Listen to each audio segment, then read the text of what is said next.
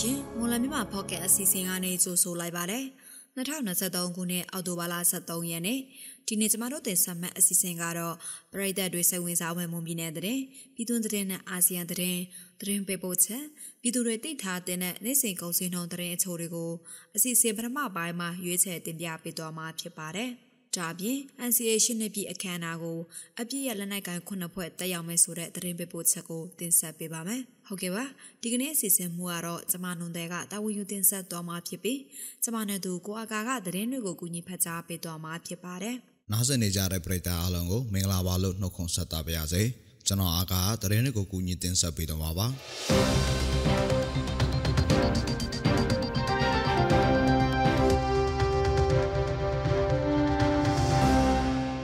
ဆုံးသတင်းတပုတ်အနေနဲ့ရင်းမြနယ်တောင်ပိုင်းဝဲပေါင်ရွာနဲ့ကြောင်လောင်းရွာဟောင်းအကြားရှိကျေးရွာချင်းဆက်လမ်းမပေါ်မှာအမျိုးသားတအုပ်တနက်နဲ့ပြစ်ခတ်ခံခဲ့ရတယ်လို့ဒေသခံတွေစီကနေသိရပါဗျ။ တနေ့နေ့လယ်နှစ်နာရီခန့်ကအမျိုးသားတအူဟာဖလန်ကျေးရွာကနေကျုံလုံးရွာဟောင်းဆိုင်ငယ်နဲ့ပြန်လာစဉ်ဆိုင်ငယ်စီးနှင်းလာတဲ့လက်နက်ကိုင်အမျိုးသားနှစ်ဦးကတနက်နဲ့ပြစ်ခတ်ခဲ့တယ်လို့ဆိုပါတယ်။တနက်ပြစ်ခတ်ခံရသူဟာအသက်45နှစ်အရွယ်ရှိအောင်ဒုခစီသူဖြစ်ပြီးလက်ရှိကျုံလုံးရွာဟောင်းမှာနေထိုင်သူဖြစ်ပါတယ်။ တနက်ပြစ်ခတ်ခံရမှုကြောင့်အောင်သူဆိုသူရဲ့ညာဘက်ကြောကုံမှာစီဖောက်ဝင်တရား၃ချက်နဲ့ဝဲဘက်ပါယူမှာစီဖောက်ဝင်တရားတစ်ချက်စိုးရရတရားရရှိခဲ့ပြီးမော်လမြိုင်စည်းရုံကြီးမှာစီကူတာမှုခံယူနေရတယ်လို့သိရပါတယ်ရှင်။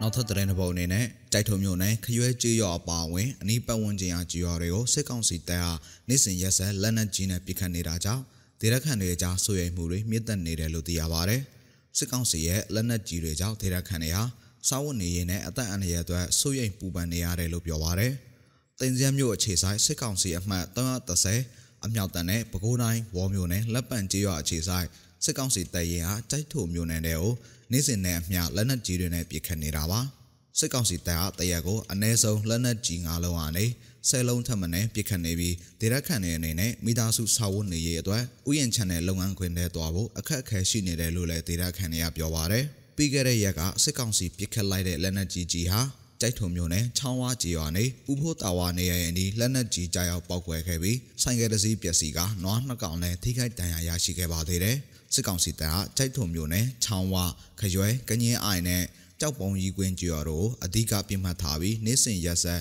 လက်နက်ကြီးနဲ့ပစ်ခတ်နေတာဖြစ်ပါတယ်ခင်ဗျာ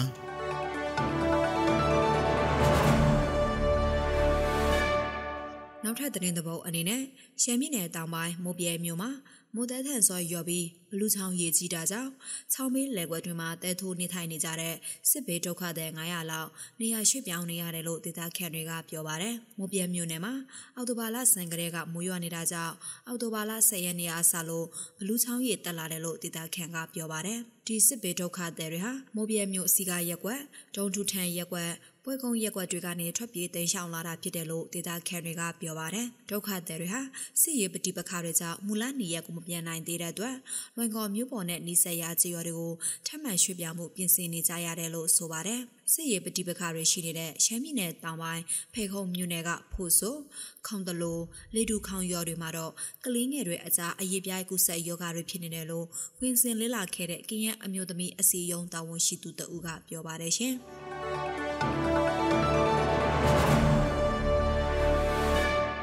နောက်ထပ်တဲ့ဘောင်အနေနဲ့ပြည်သူတွေပေါ်ကျူးလွန်နေတဲ့အကြမ်းဖက်မှုတွေမရပ်တန့်သေးတဲ့၍တနိုင်ငံလုံးပြစ်ခတ်တိုက်ခိုက်မှုရက်စက်ရေးသဘောတူစာချုပ် NCA မှာပါဝင်ဆွေးနွေးမှာမဟုတ်ဘူးလို့တိုင်းသားလက်နက်ကင်သုံးဖွဲ့ကအောက်တိုဘာ12ရက်နေ့မှာပူးတွဲထုတ်ပြန်လိုက်ပါတယ်။ဒီကြီးညာချက်မှာတိုင်းသားလက်နက်ကင်အဖွဲ့တွေထဲမှာအင်အားကြီးမားတဲ့ကရင်မျိုးသားစီယုံ KNU ချင်းမျိုးသားတပ်ဦး CNF နဲ့မြန်မာနိုင်ငံလုံးဆိုင်ရာကျောင်းသားများဒီမိုကရက်တစ်တပ်ဦး ABSDF တို့ပူးတွဲထုတ်ပြန်လိုက်တာပါ။ စစ်တပ်အာဏာသိမ်းလိုက်တာဟာ NCA အခြေခံမူတွေနဲ့ရည်ရွယ်ချက်ကိုဖျက်ဆီးလိုက်တာဖြစ်တယ်လို့ထုတ်ပြန်ချက်မှာပါရှိပါတယ်။ဒါပြင်စစ်တပ်ကမြေပြင်တွေမကပဲလေးချောင်းကနေပါအင်အားသုံးပြီးပြည်သူတွေကိုပြစ်မှတ်ထားတိုက်ခိုက်နေတာတွေဟာ NCO ပြက်ပြဲစေပြီးစစ်တပ်ကငြိမ်းချမ်းစွာညှိနှိုင်းဆွေးနွေးအပြေရှားတဲ့နီလန်ကိုဆွလွတ်လိုက်တာပေါ်လွင်နေတယ်လို့ဆိုပါတယ်ခင်ဗျာ။ က်ဆုံးသတင်းသဘောအနေနဲ့ဝါပြည်သွေးစီညီညွတ်ရေးတပ်ဖွဲ့ UWSA အရာရှိ2ဦးကိုအွန်လိုင်းငွေလိမ်တဲ့လုပ်ငန်းတွေမှာပါဝင်ပတ်သက်မှုရှိတယ်ဆိုပြီးတရုတ်နိုင်ငံပြည်သူ့လုံခြုံရေးဝန်ကြီးဌာနကအောက်တိုဘာ12ရက်နေ့မှာဖမ်းဝရမ်းထုတ်လိုက်ပါတယ်။ ကကုမင်းမြို့နယ်ဟန်ဂျိုမြို့ကအများပြည်သူလုံခြုံရေးဌာနတွေက UWSA ဝအရာရှိနှုတ်ကိုကြားဖြတ်လို့ခေါ်တဲ့အွန်လိုင်းကငွေလိမ်တဲ့လုပ်ငန်းတွေမှာပါဝင်ပတ်သက်မှုရှိတဲ့ဆိုပြီးသူတို့ကိုဖမ်းမိအောင်သတင်းပေးသူကိုတရုတ်ယွန်တသိန်းကနေ9သိန်းအထိပေးမယ်လို့ကြေညာထားပါတယ်။ဖမ်းဝရံထုတ်ခံရသူတွေထဲမှာလက်ရှိဝါပြည်နယ်အစိုးရဆော်လော်ရေးဌာနမှပေါက်အိုက်ပန်ခေါ်ပေါက်ရံပန်ခေါ်ချန်ရံပန်ပါဝင်ပြီးသူကအရင်468တမဟာမှုလည်းဖြစ်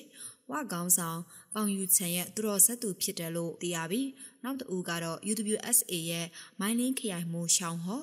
ခေါ်အိုက်ဟောခေါ်ဟောကျွန်းထင်းဖြစ်ပြီးသူကလည်းဝကောင်းဆောင်ပေါင်ယူချန်တမတ်ဟောင်းလို့ဆိုပါတယ်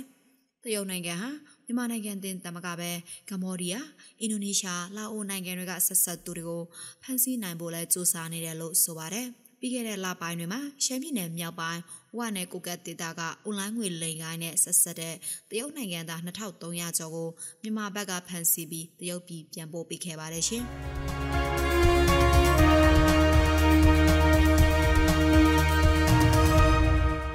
ပြည်သူတွေသိထားတဲ့နိုင်စဉ်ကုန်စည်နှုန်းသတင်းချို့တွေကိုမော်လမြိုင်ကုန်စည်တိုင်းကအချက်လက်တွေကိုအခြေခံပြီးတင်ဆက်ပေးပါဦးမယ်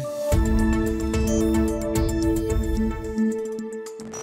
ယ်ပါဒီနေ့ထိုင်းနဲ့မြန်မာငွေလဲနှုန်းကတော့ထိုင်းဘတ်90ဒရမ6ဝယ်ဈေးရှိနေပြီးရောင်းဈေးကတော့92ဒရမ5ကိုရှိနေပါတယ်ဒေါ်လာဈေးကတော့အမေရိကန်ဒေါ်လာကိုဝယ်ဈေးမြန်မာငွေ3305ကျပ်ရှိပြီးရောင်းဈေးကတော့3355ကျပ်ရှိနေပါတယ်ရွှေဈေးနှုန်းကမီလင်း16ပဲလေးကျပ်တာကိုပြင်ပေါက်ဈေး34သိန်းဝန်းကျင်မှာရှိနေပါတယ်73စီတွေကတော့ဒီဇယ်1လီတာကို2190ကျပ်အောက်သိန်း62တလီတာကို1985ကျပ်နဲ့95တလီတာကို2085ကျပ်အထိရှိနေတာပါ စံစင်းတုံးကတော့အမြင့်ဆုံးပေါ်ဆက်မှု108ပေါင်အမြင့်ဆုံးကို3,9000ကျပ်အလဲလက်တန်ဆန်မျိုးစားပေါ်ကျွဲ108ပေါင်အနည်းဆုံးကို9,6500ကျပ်နဲ့အမရဆန်တွေကတော့108ပေါင်အနည်းဆုံးကို9,3000နဲ့အမြင့်ဆုံးကို9,6000ထိရှိနေတာပါ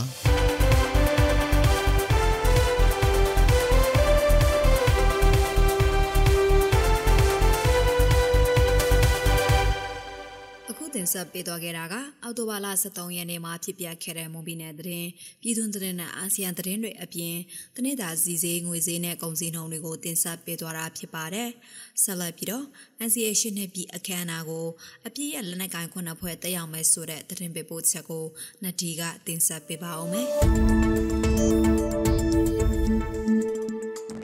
နိုင်ငံလုံးပြစ်ခတ်တိုက်ခိုက်မှုရစဲရေးသဘောတူစာချုပ် MCA ရှင်းနှစ်ပြည့်အခမ်းအနားကိုအပြည့်ရလက်မှတ်ရေးထိုးထားတဲ့တိုင်းရင်းသားလက်နက်ကိုင်အဖွဲ့အစည်းခုနှစ်ဖွဲ့တက်ရောက်မှာဖြစ်တယ်လို့ငင်းချမ်းရေးလုပ်ငန်းစီဦးဆောင်အဖွဲ့ PPSD မှာပြောခွင့်ရပုဂ္ဂိုလ်နိုင်ရင်ဆိုကပြောပါတယ်တက်ရောက်မဲ့အဖွဲ့တွေဟာနေပြည်တော်မှာစစ်ကောင်စီနဲ့ငင်းချမ်းရေးဆွေးနွေးနေသောအဖွဲ့များဖြစ်တယ်လို့သူကဆိုပါတယ်ဒီအောက်တိုဘာ15မှာကျင်းပမယ်ဒီ NCA ရှစ်နှစ်ပြောင်းနှစ်ပတ်လည်အခမ်းအနားကို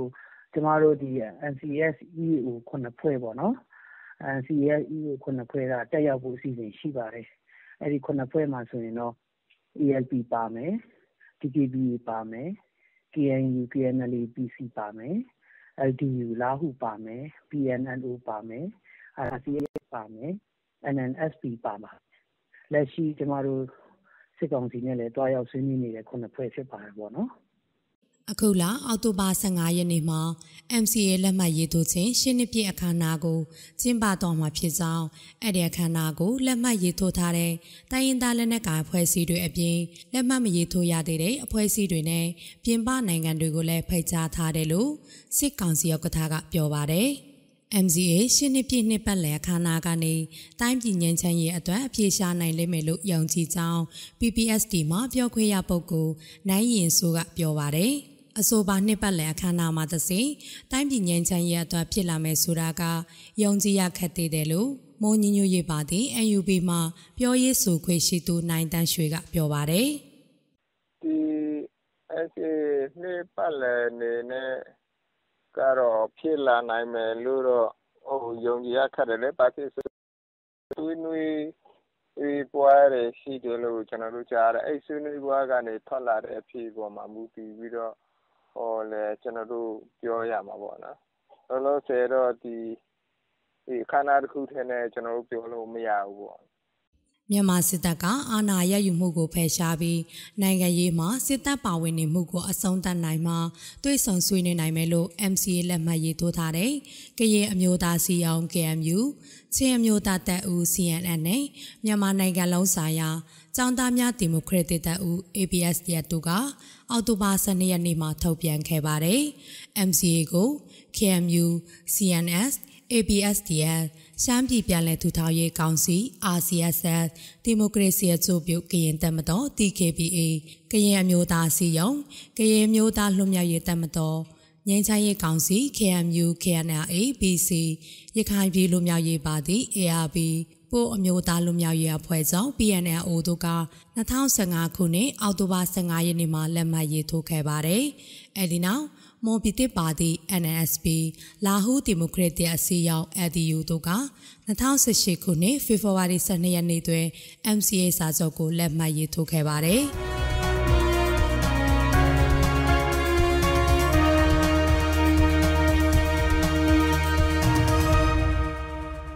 ကျွန်တော်ရဲ့မွန်လမြန်မာပေါ့ကတ်စီစဉ်ဒီမှာတင်ပြီးဆုံးပါပြီ။နားဆင်ကြတဲ့ပရိသတ်အားလုံးကိုနောက်နေ့အစီအစဉ်တွေမှာဆက်လက်အားပေးကြပါအောင်လို့ဖိတ်ခေါ်ရင်းအစီအစဉ်ကိုအဆုံးသတ်ပါရစေ။ အားလုံးကိုကျေးဇူးတင်ပါတယ်ခင်ဗျာ